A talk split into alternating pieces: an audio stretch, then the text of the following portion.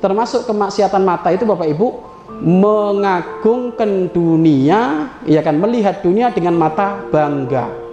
Bukan melihat Allah dengan uh, bukan melihat dunia bukan melihat dunia dengan mata kagum karena zat yang menciptakan dunia tapi karena dunianya maka itu tidak bo tidak boleh. Itu maksiat ma mata. Jangan pernah ibarat gini Bapak jangan pernah kelilipan gara-gara dunia gitu aja lah biar jelas itu Oh, kalau ada orang kalau ada orang Bapak Ibu dengan dunianya glamor tetek bengek macam nggak usah ada kebanggaan di dalam hati kita harus membanggakan dia.